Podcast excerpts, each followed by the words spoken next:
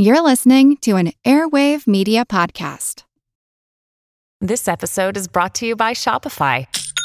Forget the frustration of picking commerce platforms when you switch your business to Shopify, the global commerce platform that supercharges your selling wherever you sell. With Shopify, you'll harness the same intuitive features, trusted apps, and powerful analytics used by the world's leading brands. Sign up today for your $1 per month trial period at shopify.com slash tech, all lowercase. That's shopify.com slash tech. The world is constantly changing and transforming. Cut through some of the noise with What's New with Wired, a podcast that goes in depth on the latest news and technology and culture. Their award winning journalism will help you make sense of what's happening in the world. Listen to What's New with Wired wherever you get your podcasts. That's What's New with Wired wherever you get your podcasts. This is Kick Ass News. I'm Ben Mathis.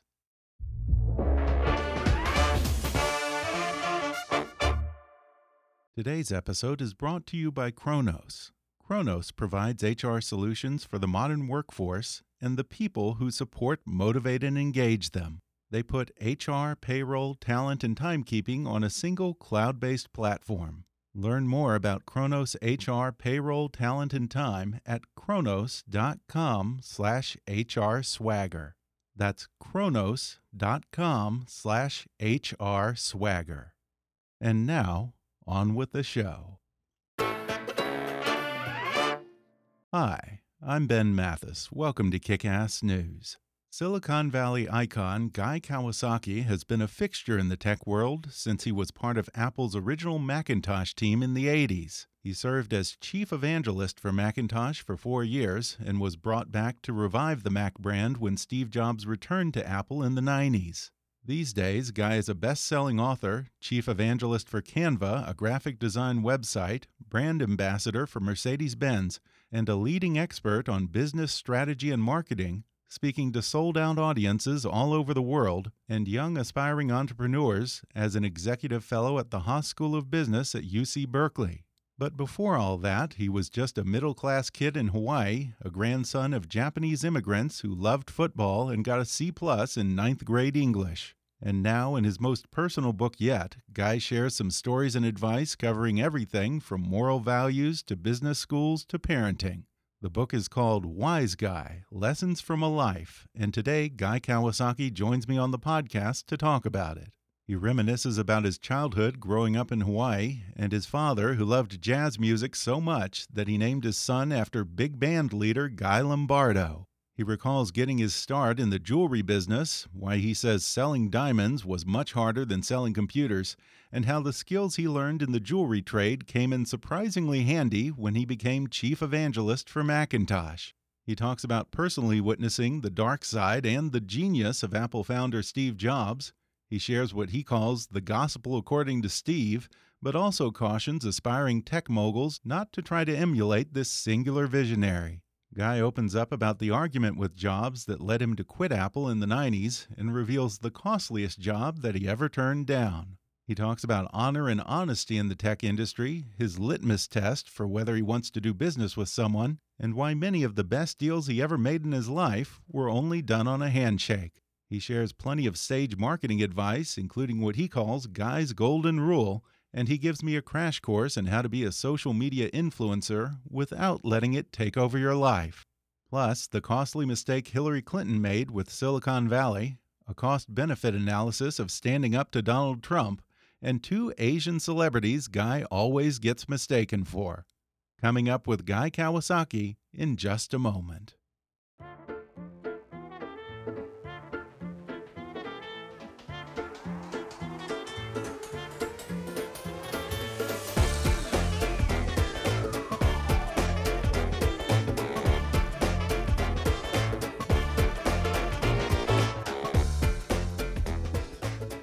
Guy Kawasaki has been a fixture in the tech world since he was part of Apple's original Macintosh team back in the 80s.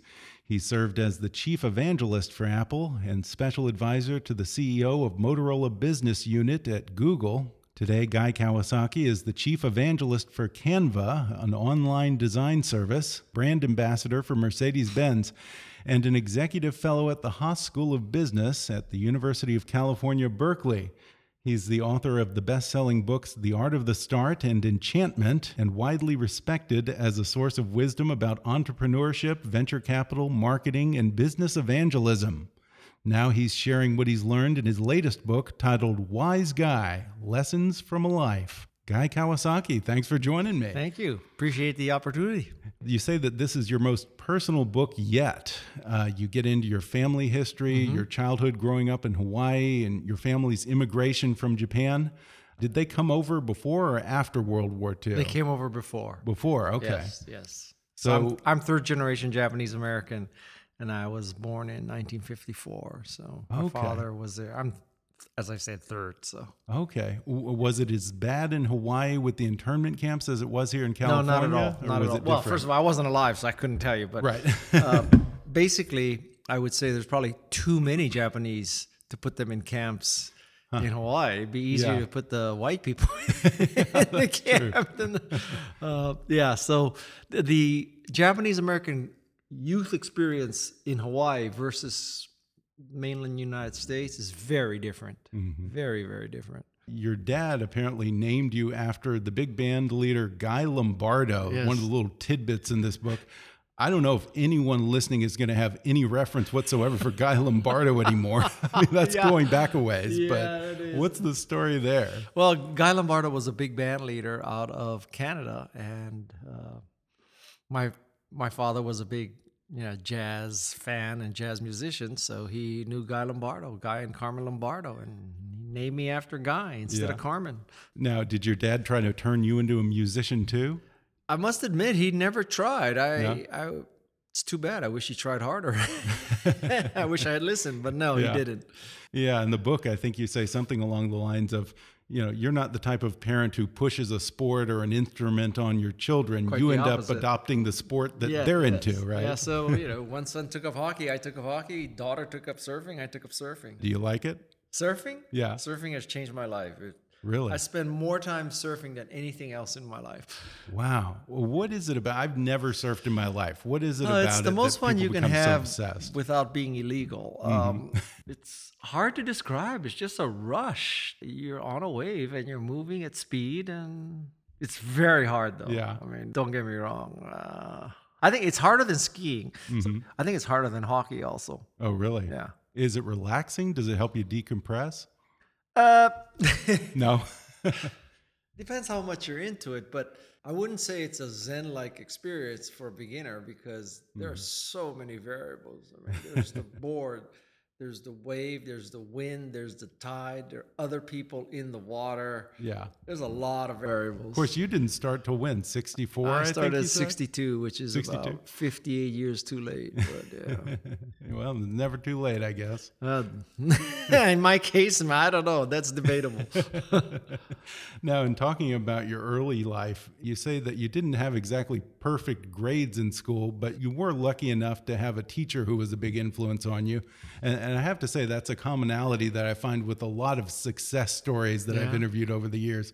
They always seem to have some type of teacher who made a big impact. Mm -hmm. Who was that for you? Uh, this this teacher was an English teacher at Iolani School in Hawaii. His name was Harold Keables you know, he was the toughest teacher. Steve Jobs was the toughest boss. Oh yeah, yeah. I had a similar experience. One of my most influential teachers was an English teacher, and him with the Oxford comma yeah, and like yeah, certain yeah. things that still are just beat into me to this very day. I, I had the same experience. Thing? Yeah, he. We would write essays, and he would find every mistake, and he would circle it, and then you'd have to write it as you'd had incorrectly cite the rule that you broke and then write it correctly. Yeah. So, yeah, it's funny because it seems to me that it's always the strictest teachers who end up being exactly. the biggest influences. Although at the time, yeah, that's not how you look at it. yeah. yeah. Now you went on to college at Stanford. Yes. Yeah, Stanford, yes. and then briefly flirted with going very, into law. Very right? briefly. One two week weeks. of law school, or yeah, two weeks of law weeks, school. Yeah. Maybe what, it was a week, but yeah. it wasn't a semester. I yeah. guarantee you that. What happened? Just what, just what made you decide it. you? I just hated really? it, and I first time I quit anything in my life. Is there a lesson there about knowing when to quit? Well, the lesson is that when to move on. I think a lot of people are just deathly afraid of quitting because they think The first time they quit, it's a downward spiral, and then you mm-hmm. become a quitter. Yeah. That's not my experience, obviously. so I quit one thing.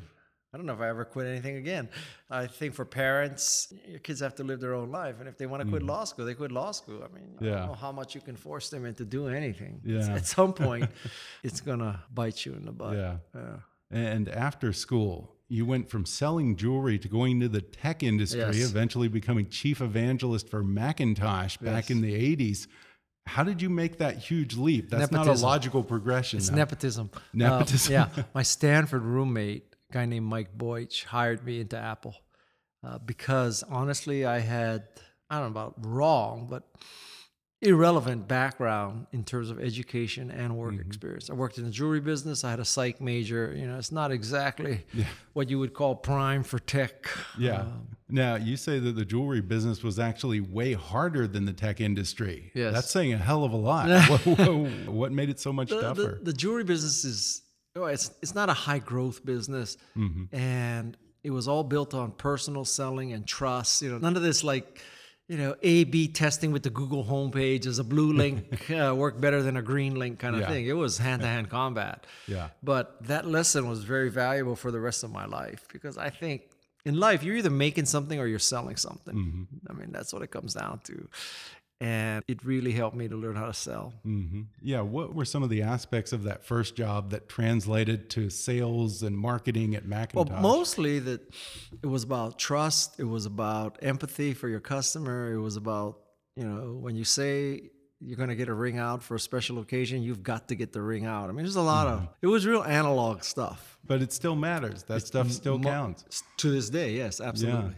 And you were there when Macintosh really developed into a cult, uh, long before Apple developed into a cult, Yeah. just a couple decades later. What was the secret to creating such fanatical enthusiasm for Macintosh and then the broader Apple brand later on? Is it as simple as just having a great product, or is there more to it than that? Well, in one sense, it is that simple. Mm-hmm. I think that great products develop cult followings, at least loyal following. So that's what I call Guy's Golden Touch. Guy's Golden Touch is not that whatever I touch turns to gold. Guy's Golden Touch is whatever's gold Guy touches. And so I was able to touch Macintosh. Now I'm touching Canva. I truly do believe that 90% of it is the product because it's very hard to get people to love crap. So it's very easy to get them Yeah. to love something great. And if they do love something great, they're a lot more forgiving about everything else. Yeah, that's true. that's Um, true. You say the second adopter is the first customer. What do you mean by that? Well, the concept here is that maybe you love something, maybe your founders and co founders love something, but the real test is not that you love something, it's that you can get somebody else to believe in it. Mm-hmm. And that's the second or third customer. That's the hard one. Well, I have to ask you about Steve. Was he as demanding a boss as Yes. people say? Yes, he was. Tough guy, huh? Tough guy, high standards. It wasn't impolite. I don't think there's such a word, but he was apolite. Yeah. You know, he wasn't impolite or polite. He was apolite. It just didn't occur to him. He was just what he was. Right. He was one of those singularly focused visionaries. Huh? You'd say he's on the spectrum. So, uh, my observation is people on the spectrum make the best entrepreneurs. So, Yeah. um, yeah, that's a good thing. Him in and, Silicon uh, Valley. Microsoft, Bill Gates, right? I think Yeah. he's a, I think he supposedly is autistic. I don't know about that, But I think I had read that somewhere. yeah. I, I, I can't. wrong. Listen, there are not a lot of high school quarterbacks and homecoming queens who have started tech companies. Let's just say. Okay. but you were a high school, uh, well, not a quarterback, but you No, played football. I right? love football, Yeah. but no, but I mean, it's not like I'm Tom Brady or anything. Yeah. So you know, I love football. To me, it was all about hard work and Yeah. overcoming a lack of talent, which is you know, that's what life is about. Yeah. And in here you have Steve's 11 commandments or Yes. something like that, or the gospel according to Steve. Is that Yes. right? Yes. What are the key ones there?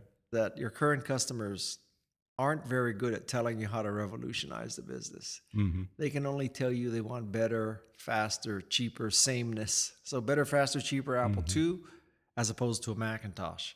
Or better, faster, cheaper Macintosh as opposed to iPhone, iPod, iPad. Yeah. And so today we can tell Apple, yeah, I want a better, faster, cheaper iPhone, iPod, iPad, but we can't tell them the next curve. And so that comes from vision and passion and luck. Yeah. How much of it was luck, do you think? You can't say that Steve was just a lucky guy Right. because he was lucky too many times in a row, right? Yeah. So he had Uh-huh. Apple One, Apple Two, Macintosh, iOS, and even within those, there are things like he embraced CD-ROMs in every computer, right? That's right. FireWire, Yeah. over and over again, um, even at the little minutia level, uh, as well as the big jumps. He called it. I mean, he wasn't 100%, but most people would be lucky to have invented or created the Apple One or Apple II or Macintosh or iOS. hmm Sure. He, he did four. I mean, you know, Yeah. how many people have done four things? Not that many. Yeah. Yeah. Lightning doesn't usually strike twice. So I don't think Yeah. it was luck. Yeah. Um, Yeah. In the history of American business, to use the V word, visionary, there haven't been that many. So I, Mm-hmm. you know, Edison, Jobs, Disney, Musk. yeah. You know, that's it. You think that's I it? Yeah. I, in that category, Yeah. at that level, yeah, Yeah. yeah. Eh, What do you think of Elon now? He's had a rough year. Eh, Do we still think of him as a You know visionary? Steve had a rough year. Steve, Oh, yeah, he got fired from Okay. Apple. He Yeah. went to Next. Next kind of imploded. You know, Yeah. he sold it back to Apple. Uh, I, I would not short Tesla. oh, really? at all. No, Okay. no, no. He, he- Yeah. Those kind of people, they just have a way of surviving. You know, there's no shortage of aspiring Steve Jobses out there, but I think in an Oh, interview I read you say, short- what do you mean? Well, yeah, yeah. no, no shortage of aspiring oh, Steve, Oh, Jo- aspiring. Steve Yes, Jobses. yes, yes. I No, not not Steve Jobses. but I think I read in an interview where you, you said people should not try to be Steve. Why not? Well, first of all, I would debate whether you should try to be somebody else mm-hmm. at all, anybody. Yeah. else, right? So right there, we just eliminated everybody. But Steve, in particular, I think that he was a unique individual, and he could either foretell the future or he could just make whatever the hell he wanted and convince everybody that that was the future. Either skill is pretty priceless. Yeah. So to think that you know you're going to be the next Steve Jobs, well, somebody tried to do that in uh, the analysis of blood. Let's just Yeah, say that's true. So there's several issues. One is that's a standard that maybe nobody can ever achieve. Mm-hmm. Secondly, you know, how can you go through life saying, "Oh yeah, you know, I, I wanted to be the next Steve Jobs," and you know, you should be the first of whatever you are, as Sure. opposed to the second Steve Jobs. And the third thing is, I think many people have a difficulty separating correlation from causation. Mm-hmm. And so from the outside, you look, you say, okay, I'll buy a black mock turtleneck, I'll buy New Balance shoes, I'll yeah. wear, you know, 501 Levi's, Mm-hmm. I'll drive a Mercedes, but I won't register it. I'll park in a handicap spot and I'll drive in, you know, the carpool lane by myself and I'll be Yeah. the next Steve Jobs. No, you won't. You just be the next jerk. Yeah. Now, you left Apple twice. The first time to start up a company of your own, Yep. and the second time you say you left over an argument with Steve about the iconic Apple Think campaign. Well, no, no, no, no. That, or that's or not it was accurate. during that. I, I left both times to start companies. okay. At this, it just happens that the second time, uh, it was a marketing meeting of all the marketing managers and above. And the Think Different campaign was presented to us. And at the end of that meeting, the agency person said, I have two copies of what I just showed you. I'll give you one, Steve, and I'll give one to Guy. And Steve said, Don't give one to Guy. And so I said, What's the matter, Steve? Don't you trust me? And he said, Yes, I don't trust you. And I said, That's okay, Steve. I don't trust you either. So Wow. probably cost me 250 million right there. Yeah. Man. Wa- was he serious? He wasn't joking, was he? I don't think he was joking, but again, Was he just razzing you? no, I mean I, that was him. He was a WYSIWYG kind of guy. He, Yeah. you know, he didn't. Wow. I, I don't think that was evil, or that was just his way of. Yeah. You know, if he thought you were crap, he told you you were crap. He wouldn't, you know, he wouldn't say, "Well, you have lots of potential. He'd say, You're shit." Yeah. Any regrets about leaving, you know, right there in the late 90s, just before Steve and Apple made the big You comeback? mean other than leaving a trillion dollar company Sure. twice? Well, yeah, No, there's no that. yeah, there's that. I mean, Yeah. So what's a few hundred million between friends? Sure. now, apparently, leaving Apple wasn't the biggest mistake that you ever made in your career. You once turned down a chance to become CEO of Yahoo. Yes. That's well, gotta I mean, be a way back costly when. mistake. Yeah. We're right, right, right. Not not lately. Yeah, yeah. Um, yeah, I figure that's probably two billion dollars. Two billion. So, But back then, you know, who knew, knew? where where Yahoo was going to go, right? well, yeah. I mean, well, who knew where Apple was going to go? I mean, everybody Right. thought Apple's in the toilet, so who knew where Yahoo was going to go? I mean, who knew? Yeah. Yeah. Maybe I should go join Theranos right now. I mean, who knows? Yeah, I think you said that Steve tried to hire you back to Apple. yeah, it was the third strike. Uh, what, what was the I'm offer? just a loser. you take it? Uh, he, he wanted me to run Apple University, which is Oh, the okay. internal training for Apple employees. If I had not quit either of those two times or taken that job, I wouldn't be sitting here in this room in LA right now doing a Mm-hmm. yeah, podcast. yeah, that, that may be a good thing. I don't know. Hope it's But- good for you. But do you, well, it's definitely good for me. Well, uh, who knows? Do you think you would have been as happy if you had stayed at Apple? I don't know. That's a good Because you seem like a pretty happy guy. I'm a very me. happy guy like considering it I passed on out. two point three five billion dollars. but yeah, you don't have to cry for me. It's Yeah. not. It's not like I'm a billionaire or anything. But I have, Right. Mm-hmm. you know, I'm on wife 1.0, and I have 4 great children, and so you know, it depends on how you count. hmm We're going to take a quick break, and then I'll be back with more with Guy Kawasaki when we come back in just a minute.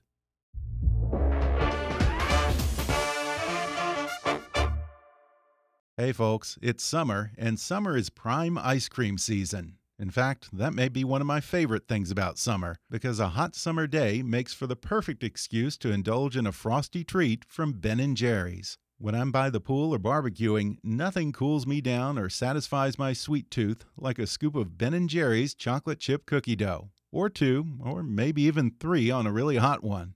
And here's a little advice don't eat it as soon as you get it out of the refrigerator. Let it sit for a couple of minutes and soften up so you can really dig in there and get some cookie dough in every bite.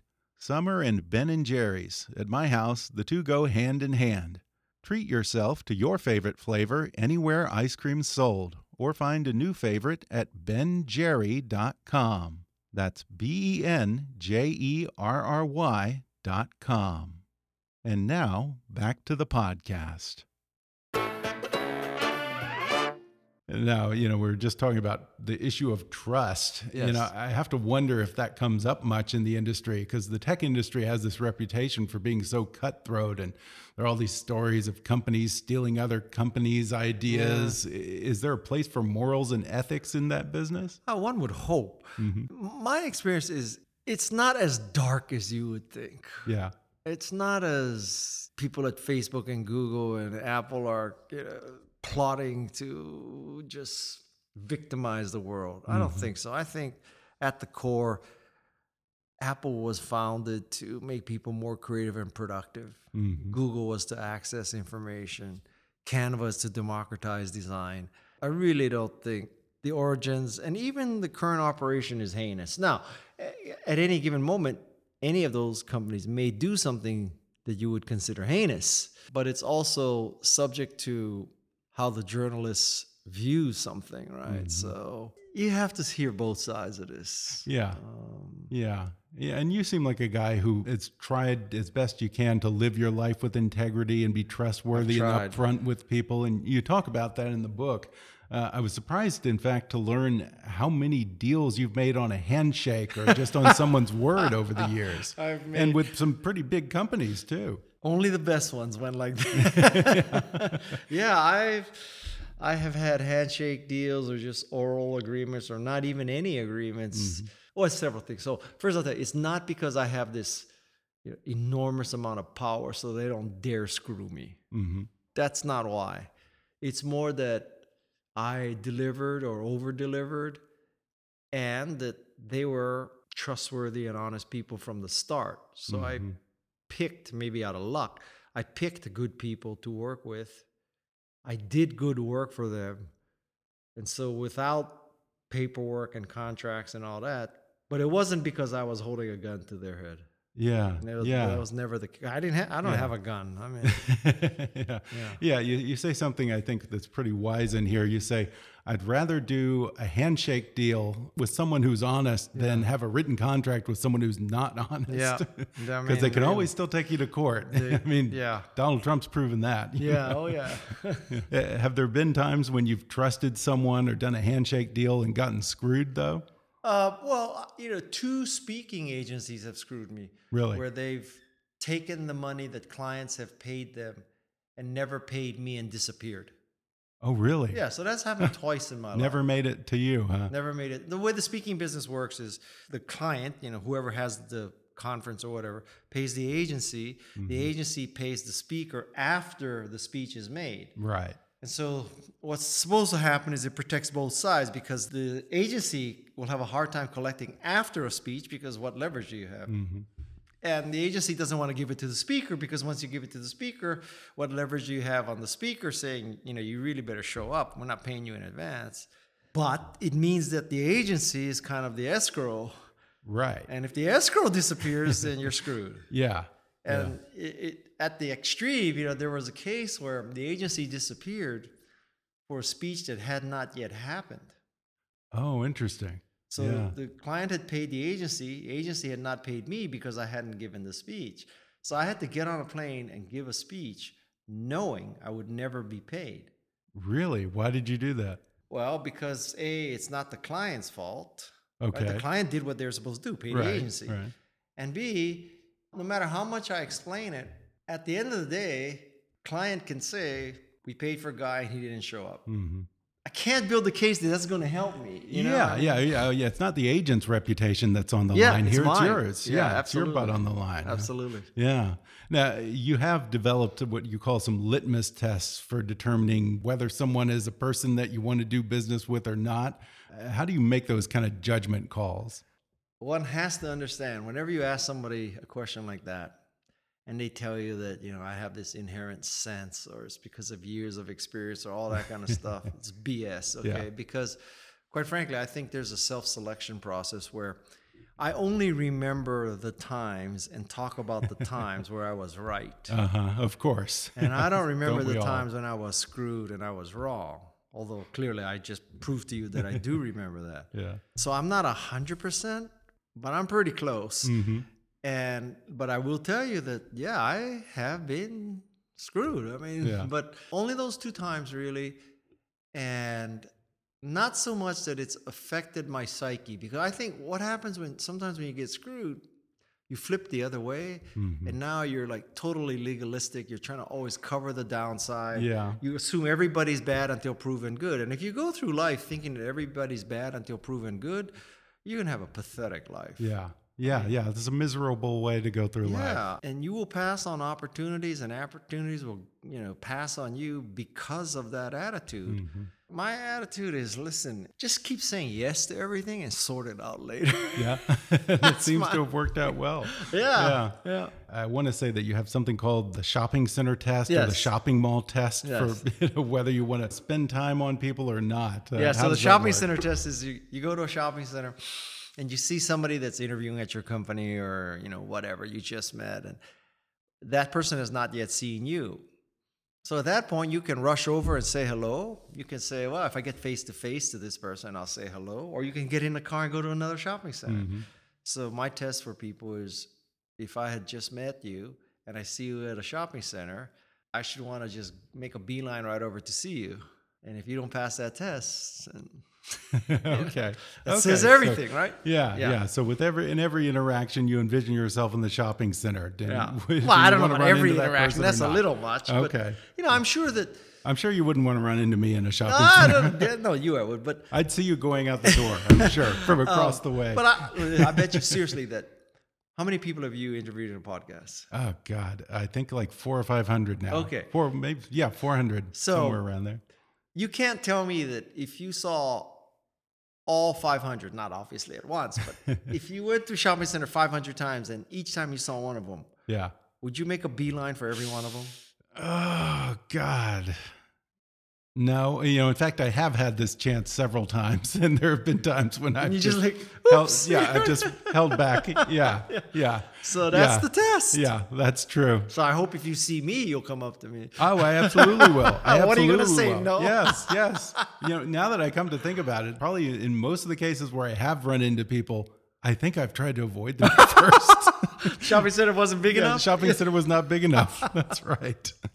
Well, you know, it's funny because I don't think of you as a political guy, guy, but uh, you do get into politics in this book a little bit. Um, you talk about having supported Hillary Clinton in 2016 Yeah. and how you tried to help her campaign but got shot down. And apparently, this happened not just to you, but also there were similar stories from Facebook and Microsoft as Yep, well. yep. Uh, didn't want uh, a lot of tech help, a lot of social media help. Do you think this says something about the broader problems with that campaign? Well, I mean, I'm on the outside looking in, right? And it could be my egocentricity that says, you know, how dare they not accept my help?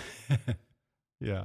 So maybe it's my problem, but I just relate some stories where I offered to help, and you know, particularly in social media, and my contact told me, "Well, we think we have it all wired." Okay. And I know people at Microsoft and uh, Facebook who said, "Yeah, we tried to help the Clinton campaign, but they said no. You know, we got it wired." Well, I don't know if I had helped and they had taken the help of Facebook and Microsoft, you know, that she would have won. Well, I know we might be living in a very different world, yeah, well, yeah. I mean, we, you know, maybe we would be supporting asylum seekers, Yeah. and maybe we wouldn't be near war with Iran. you and might be Secretary of Commerce. Who knows? Yeah, I mean, what a concept. huh? Yeah. I mean, maybe there would be such a thing as science and truth, and Yeah. you know, Would be nice. what a concept. Huh? I mean, Well, what about the other one? Do you know Trump? I have to think that your paths must have crossed in the I speaking circuit and all crossed- that. Well, I certainly didn't get any dressing rooms with him, but Yeah. um, many, many years ago, just like faint memory of Trump University liked one of my books or something like that. But really? I've never met the man. I've never done anything that I can remember. Certainly, if people follow me on social media, they know exactly where I stand on this. Yeah. issue. Oh, yeah. Yeah, definitely. definitely. And I, you know, what I don't understand is why more people don't take a stand. Knock on wood, it doesn't come to you know the end of democracy and all that. But if it did, well, at least I can say, well, I tried to resist. You know, what did you Mm-hmm. Yeah. other social media influencers do? You were afraid to take a stand because you might lose followers on Instagram. Definitely. What BS is that? Yeah. Right? I mean, and, and all of this came about because uh, in November of 2016, I went to Germany and I met some friends, and they said, you know what? To this day, we're wondering what the hell were our grandparents thinking? You know, how did they let Hitler come to power? And right now, it is your time in America. If your grandchildren ask you, did you resist Trump? You want to say, well, no, I didn't because uh, I didn't want to lose any followers? Yeah. I mean, that's pathetic. Yeah. When all of this washes out and it's all said and done, I think there are going to be a lot of Republicans who are going to have a lot to answer for. A lot of people in the media. It's I not going to be pretty.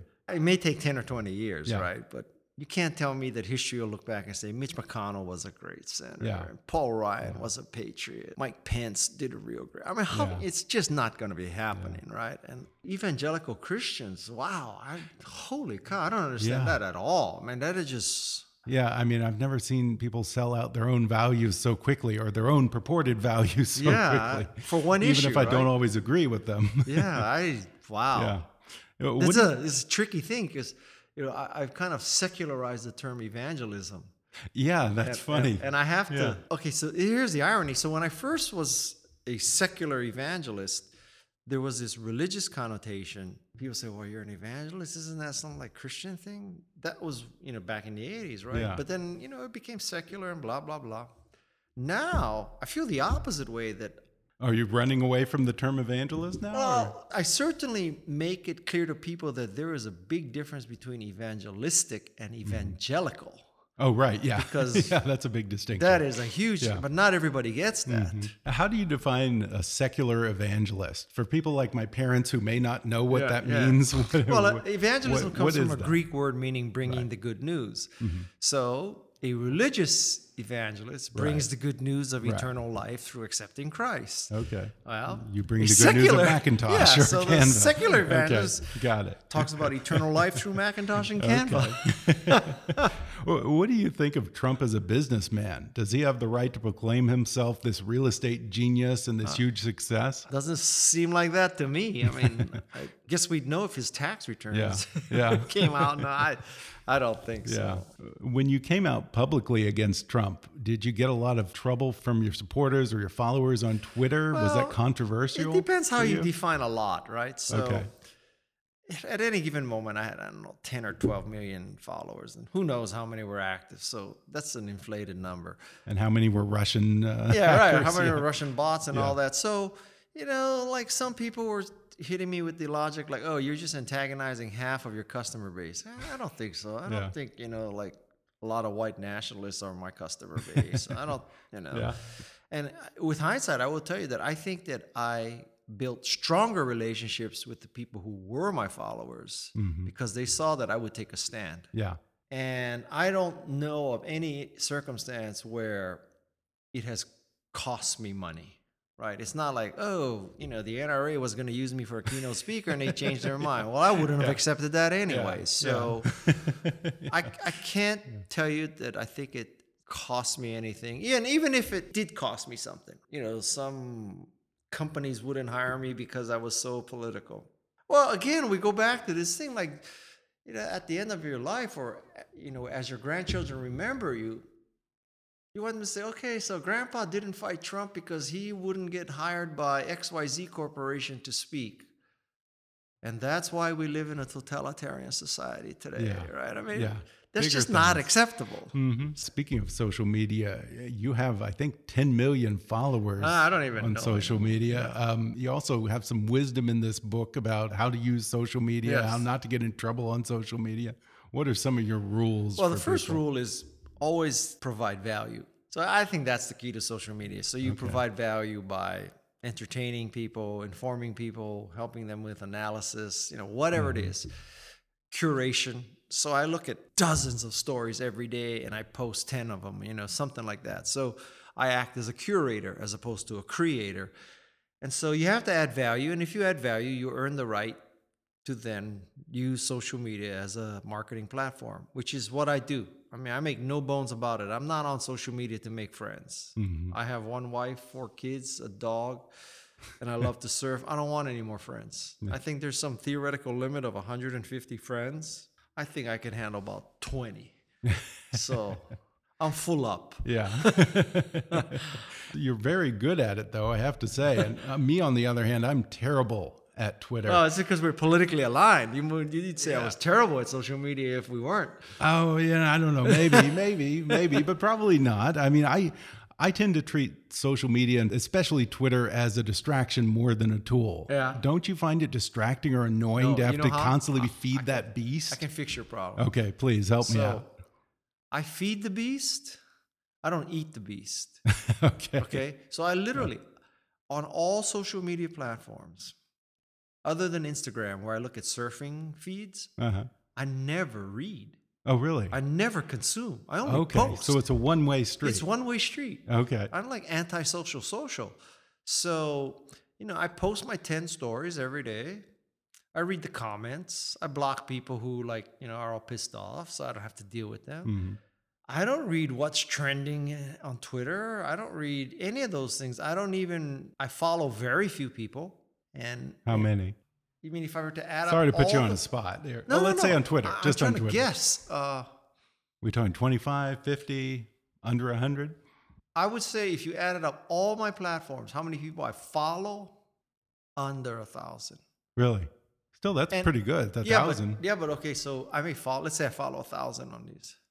I mean, a thousand out of 10 million is not, it's not, but not a lot. But yeah. Mm. even though I follow a thousand, which may seem like a large number, I never read their posts. I never read their posts. I hope they're not listening. They never read my posts. Yeah. So, Oh, really? so, so for example, when I go to LinkedIn okay. and I look at the timeline, Uh huh. I check LinkedIn to see what's happening on my posts, Uh huh.